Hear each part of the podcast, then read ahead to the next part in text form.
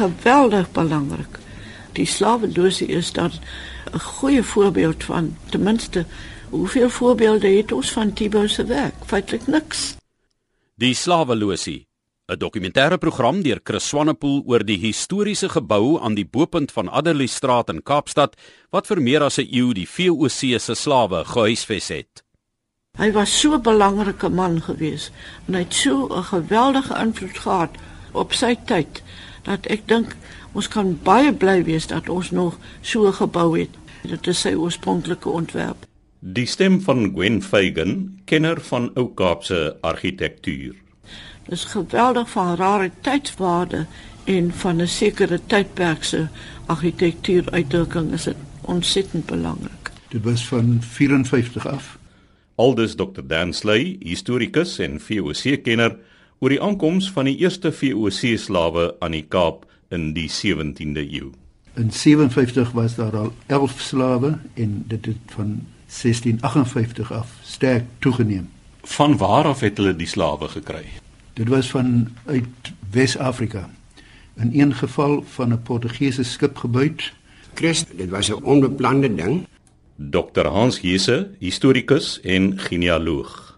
Die Hollanders het Portugese skepe tussen Angola en Brasilië onderskep en dit hele klomp slawe oorgelaai op hulle skip en toe Kaap toe gebring. So die eerste slawe kom uit Angola uit en uit Guinea uit wat op groot skaal ingevoer is Kaap toe.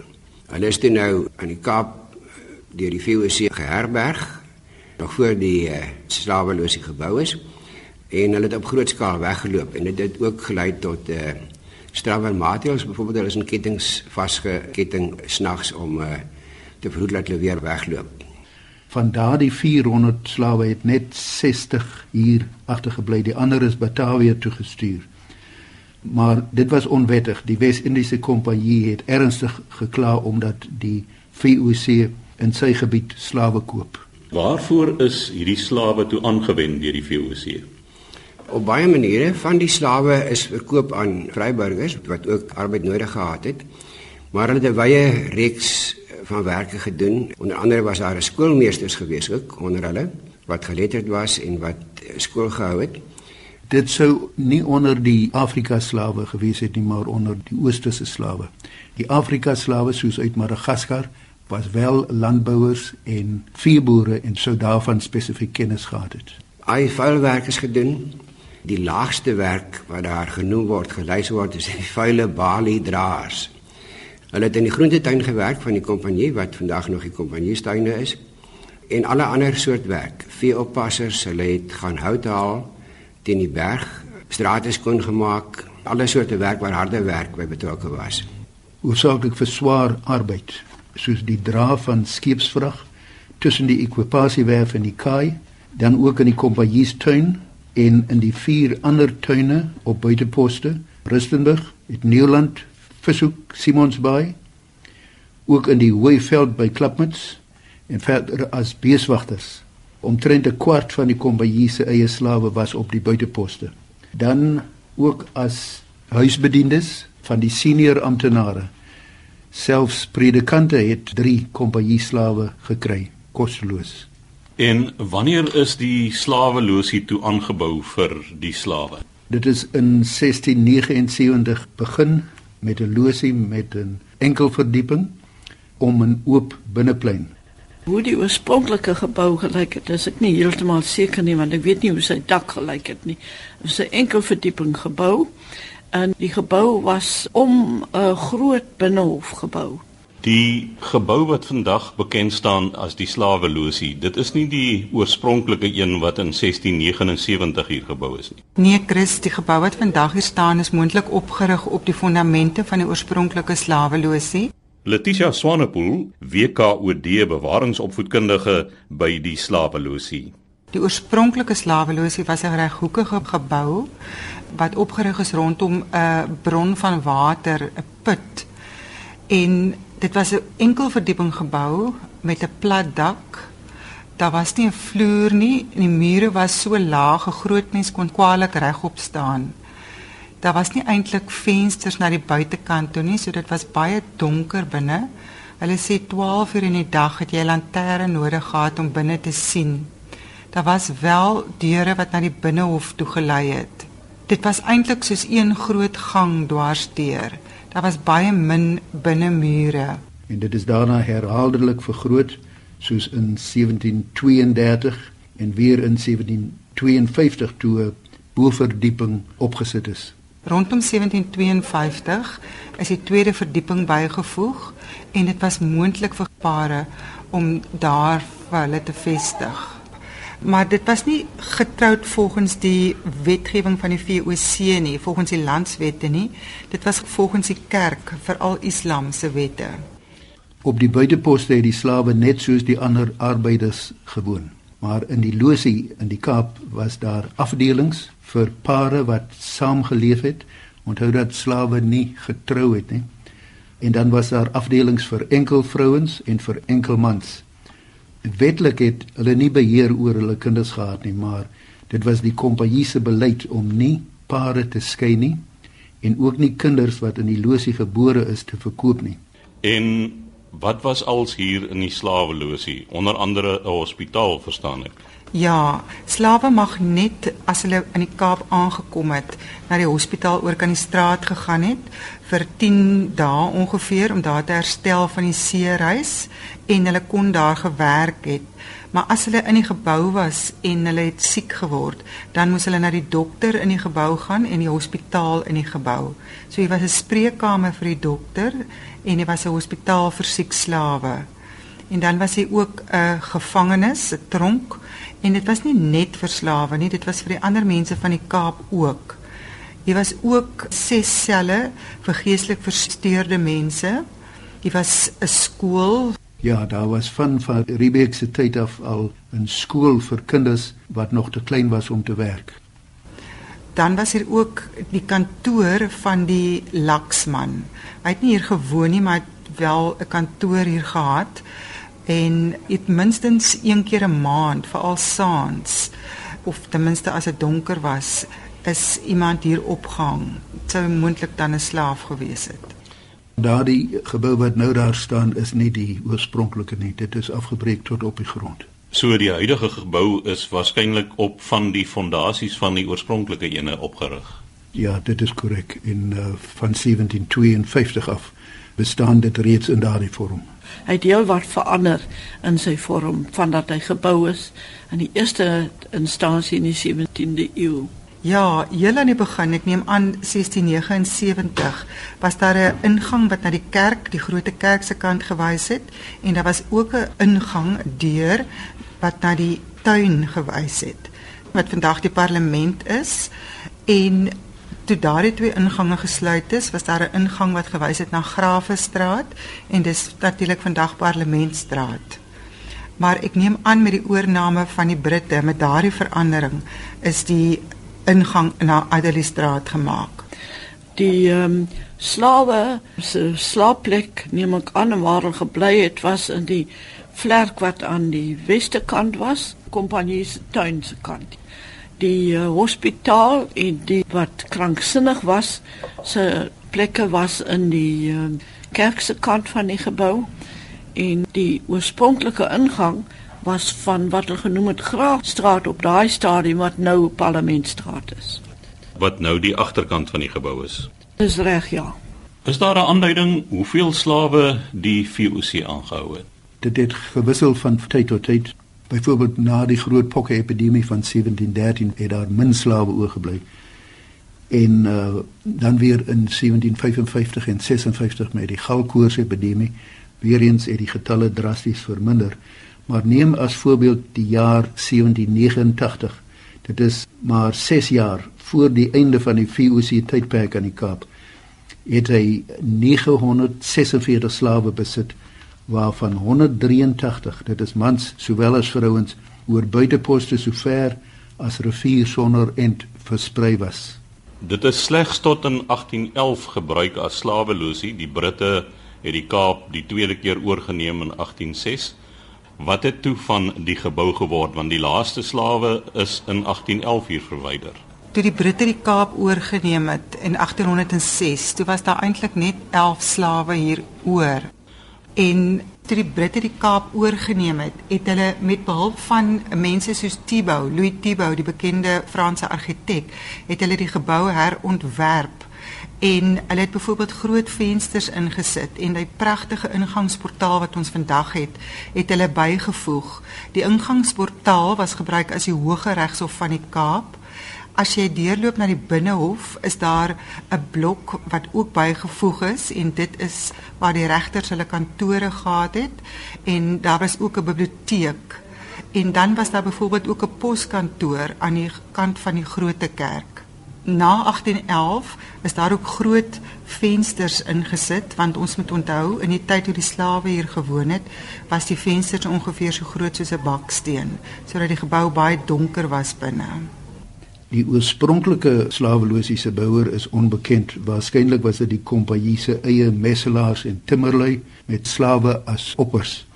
Maar die huidige een soos ons om nou sien is die bouer Herman Skutte wat van 1809 tot 1814 daaraan gebou het. En Skutte saam met uh, Thibaut het onder andere aan die kasteel gewerk en aan uh, Saasveld die van Rede van Oudtshoorn woonhuis. Vertel ons so 'n bietjie wat het gebeur onder andere, watter veranderinge is daar aangebring? Wel, Thibaut het voorgestel vir die regering in daai dae dat die um, gebou se ingang op Herengracht se kant behoort te wees. En hulle het ingestem daarvoor. En toe hy sommer aan dieselfde tyd het hy vir Anton aanraak gekry om aan die ou kant wat aan Graafstad is dat daar 'n pediment gebou word met die Engelse wapenskild daar. Dis eintlik 'n baie interessante pediment wat nou nog daar is, nou onlangs gerestoreer is. Want die leeu lyk maar baie baie treurig daarop. Ek dink ou aanraad in beide Thibaut nie baie tyd gehad vir die Engelse nie. Hulle was meer ingestel op die ou Hollandse regering. Dan een van die eienskappe van hierdie slaweloosie waarvan mense nie bewus is nie, is dat die gebou 'n bietjie teruggeskuif is.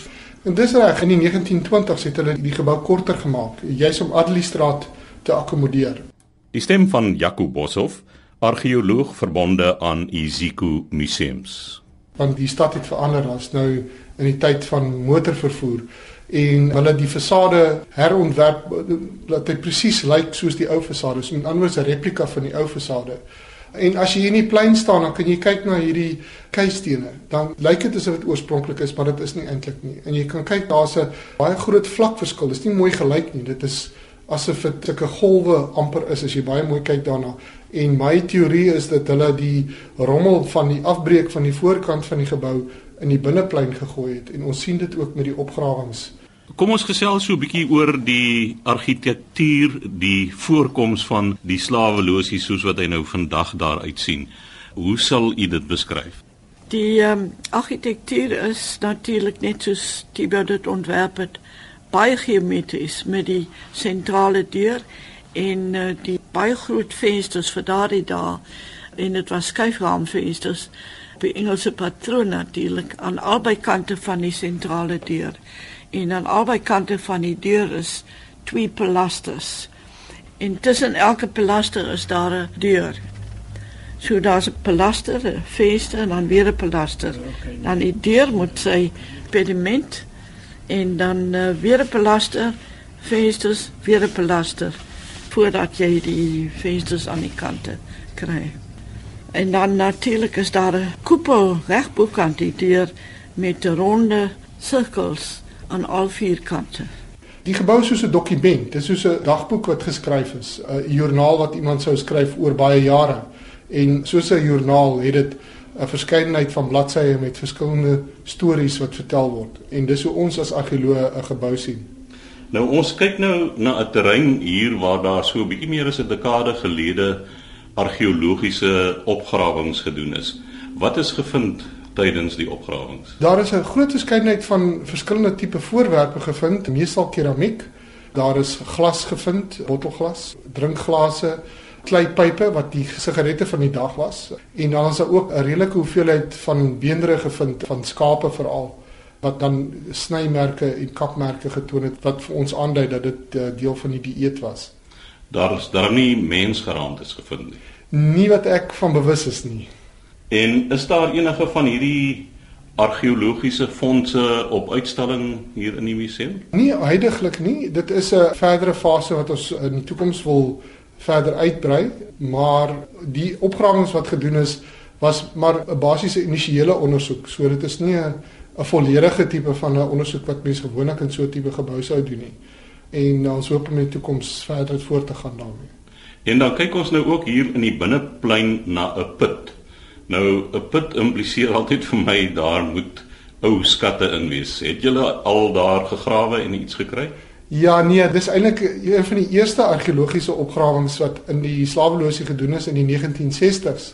Het die argeoloog wat daai tyd by die Suid-Afrikaanse Museum gewerk het, die put opgegrawe en hulle het ook nou nie eintlik jy skatte gekry nie. Is maar ook maar dieselfde tipe van ding. Hulle het stukkies geroeste yster, 'n paar bene en 'n bietjie porselein gekry. Ongelukkig vir ons weet ons nie meer wat van daardie voorwerpe geword het nie. Die argeoloog het wel 'n verslag geskryf, maar ons weet nie wat hy in daardie jare met die artefakte gedoen het nie. So ons kan dit nie in detail bestudeer vandag nie. Dan is dit ook nie onbekend dat die losie nie amptelik as bordeel gefunksioneer het nie. Wel, daar is geen melding daarvan in die Kombayise dokumente nie. In 1685 was daar al kinders met Europese vaders en dan is daar besoekers wat daarna verwys soos Menzel noem dit wel en my slim vriend Lena Scheffler wie se navorsing binnekort gepubliseer word sê dat toe die Britse oorlog sloot onder admiraal Boscawen in 1748 hier was het hy na tyd sy matrose belet om die plek te besoek. So dit is seker nie 'n gerug nie. Daar was twee besoekende VOC kommissarisse hier aan die Kaap wat hulle ontevredenheid uitgespreek het met die lewensomstandighede en ook sekere aanbevelings gedoen het oor hoe die slaweloosie bedryf moet word. Ja, uh hoe kommissaris van Rede het byvoorbeeld in 1685 beter winterkleding beveel. Gewoonlik het dit gegaan om voeding, kleding en huisvesting want die slawe was 'n duur kommoditeit en moes goed behandel word. In watter mate het die bewindhebbers aan die Kaap hulle gesteer aan hierdie aanbevelings van die kommissarisse? Ek is nou op die terrein waar ek moet sê dat ek nie self daar was nie, maar my afleiding is dat dit wel gebeur het. Van die slawe, dit is mans sowel as vroue, het ook in besturende posisies in die losie gedien. Ja, in 1685 was kommissaris van Rede aan die Kaap en hy was geskok ook sy voorganger van Goens omdat daar so baie wit kinders in die losie was. Die bepaling was gewees van van Rede dat huwelike of vermenging tussen blankes en slawe verbied moet word. Maar die moet word het nooit plaasgevind nie want daarna is daar geen manier waarop jy kan sê dat dit wel toegepas is nie. En hy het gedink dit is verkeerd om kinders van Hollandse herkoms in slawerny te hou, so hulle kon dan ook hulle vryheid verkry teen betaling van 'n sekere bedrag en deur 'n ander slaaf te koop en in hulle plek te sit kon hulle wel hulle vryheid sou verkry. En daar is inderdaad heelwat sulke gevalle gewees waar hulle op die manier kon vrykom. Dit het gebeur.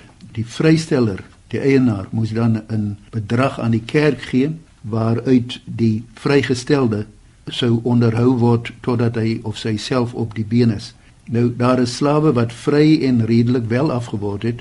Daar is die bekende Ansila van die Kaap wat eiendom in die middestad besit het. Daar is Jan de Jonker en Antoni van Bengale wat uh, plase naby Stellenbosch gehad het en self slawe besit het. Kyk maar byvoorbeeld in Jesus se groep sonder grense hoeveel gevalle van vrygestelde slawe daar is wat families nagelaat het en selfstandig geword het. Is daar voorbeelde van vryburgers wat 'n verhouding met van die slawe in die slaweloosie gehad het en dan uiteindelik hierdie slavin vrygekoop het en met haar getroud is.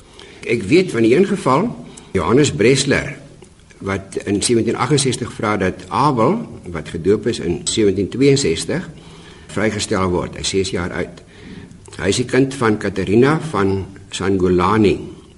Dit laat my 'n vermoede gee dat miskien was hy die pa gewees wat hierdie 6-jarige kind van hom moontlik wil vrystel. Ek het ook nagegaan Sangolani was 'n slavin van Mosambiek wat in 1731 gedoop is en in 1795 oorlede is en dan in die inskrywing staan sy's onbekwaam.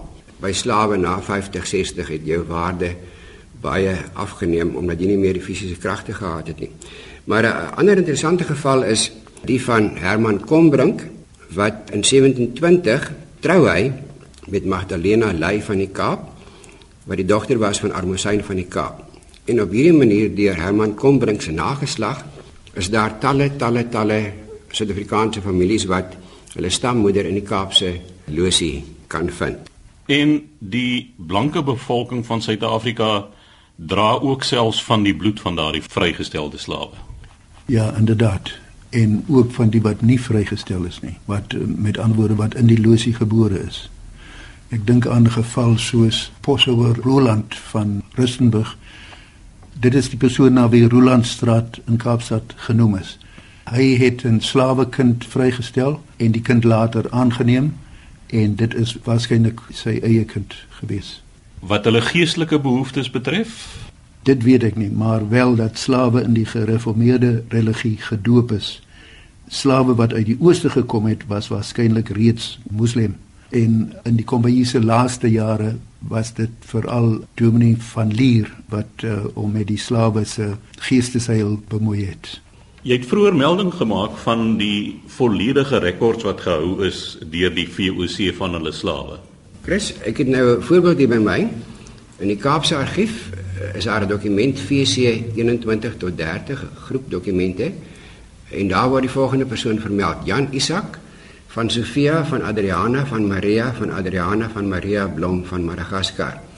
Uh, hy was natuurlik bekend as Jan Isak van die Kaap, maar in die dokument word sy volledige naam en afkoms aangedui. Jan Isak is gedoop in 1792 as die kind van Sofia wat in 1756 gedoop is.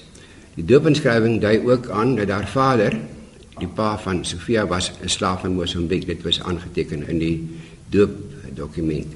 Sofia was op haar beurt die dogter van Adriana wat gedoop is in 1739. En Adriana was op haar beurt die kind van Maria wat gedoop is in 1716. Maria se moeder was Adriana van die Kaap wat op haar beurt die dogter van Maria Blom was wat in Madagaskar gebore is en as 'n slavin na die Kaap toe gebring is.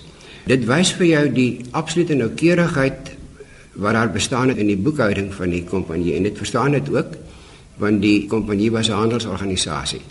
En byvoorbeeld as 'n kind aan die Kaap gebore is die Woensdag, Sondag is die kind gedoop volgens ou Hollandse gebruik, eerste Sondag na geboorte omtrent. En dan as daardie kind die Woensdag daarna gesterf het, is dit aangeteken.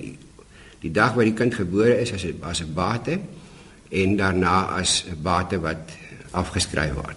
Dit is vreed om dit so te sien, maar dit is vir die genealoog wat wil werk oor slawe in die kompanjie se tyd in die kompanjie se losie, is dit absoluut 'n wonderlike bron. Dit is meer volledig dink ek as enige ander bron, enige plek in die wêreld wat met slawerny te doen gehad het, behalwe nou vir die Hollandse VOC of Wes-Indiese Kompanjie rekord van wie hulle noukeurige boekhouding. Wat het met die slawe gebeur na die Britse oorname van die Kaap in 1806? Nou eerstens het daardie gebeurtenis baie slawe van hulle vryheid ontneem. Hier het 'n skip uit Nederland gekom met 'n bevel van die Bataafse regering dat alle slawekinders voortaan vrygebore sal word. So sou die ewel voorlopig bekamp word. Maar die Britte het daardie brief net opgeskeur. Die slawehandelaars het dadelik tot die mark toegetree en is bedryf deur persone soos Tennant en Trail en ook selfs regeringsamptenare soos gouverneur Young was betrokke by die slawehandel. Die getal slawe het amper verdubbel. En met die amptelike vrystelling van die slawe in die 1830s is die slawe in die slawelosie toe deur die Britte vrygelaat. Ja, hulle is amptelik vrygestel, maar dit was net op papier. Hulle moes nog 4 jaar as ingeboektes werk. En uiteindelik, wat was die vrygestelde slawe se lot? Was hulle in staat om byvoorbeeld na hulle self om te sien en self uh, inkomste te genereer? Ek sou voorstel dat elke man moes werk soek want dit is elke man vir homself. En In watter stadium het hierdie gebou die kultuurhistoriese museum geword? In 1966 is daar besluit om die gebou te verander na die Suid-Afrikaanse Kultuurhistoriese Museum. En sedert 1998 staan dit bekend as die Slaweloosie omdat dit die oorspronklike woonplek van kompanjie slawe was. Nou aangesien dit vandag steeds 'n museum is en bekend staan as die Slaweloosie, watter artefakte is hier wat 'n mens aan die slawe geskiedenis herinner? Chris, ek kan nie vir jou iets wys en sê dit is deur 'n slaaf gemaak nie, want ons moet onthou dat in die verlede is die gewone mense se geskiedenis nie hoog geag nie. So hulle het nie noodwendig byvoorbeeld klere of enigiets wat deur slawe gemaak is gehou nie. Maar wat die besoekers wel kan sien is die pragtige kaart van 1798, die sogenaamde wildplan dis nie die oorspronklike kaart nie, die oorspronklike word natuurlik in die argief bewaar, maar ons het die kaart vergroot en daarop kan jy duidelik sien waarvoor sekere vertrekke op die grondvloer gebruik was. En dan is hier ook heelwat ander uitstallings en onder andere 'n video of 'n DVD vertoning. Ons het ook 'n oriëntasie video waarop die geskiedenis van Kaapse slawe en die slaweloosie uitgebeeld word. Wat ook interessant is is die kolom van herinnering. Navorsers het die name van 9000 slawe wat in hierdie gebou gewoon het gevind in die argief en hulle het 'n seleksie daarvan gemaak en dit op die sogenaamde kolom van herinnering neergeskryf. En dit is nogal baie interessant om te sien hoe slawe vernoem is en dit dui ook op die herkoms van slawe. Net in die volgende vertrek na die kolom van herinnering is daar 'n pragtige groot kaart wat die herkoms van slawe aandui.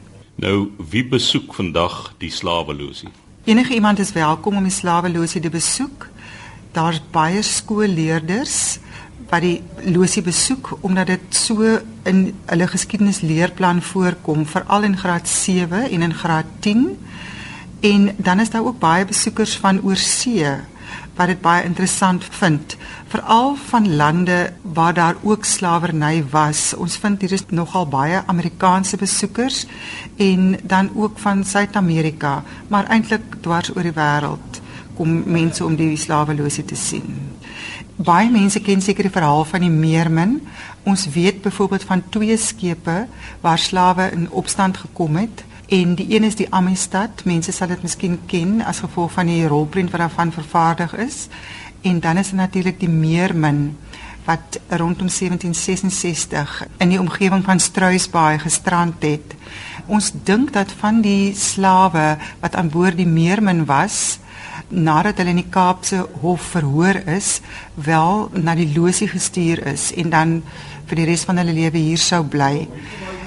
Ons het die plan van die Meermin en skrynwerkers het vir ons 'n model van die Meermin gebou.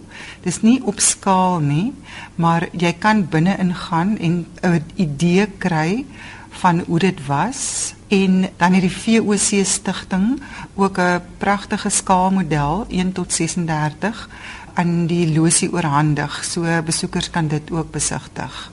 As ons vandag kyk na die pragtige gebou wat daar aan die boepunt van Adelie Straat staan, Wat is die kultuurhistoriese waarde daarvan?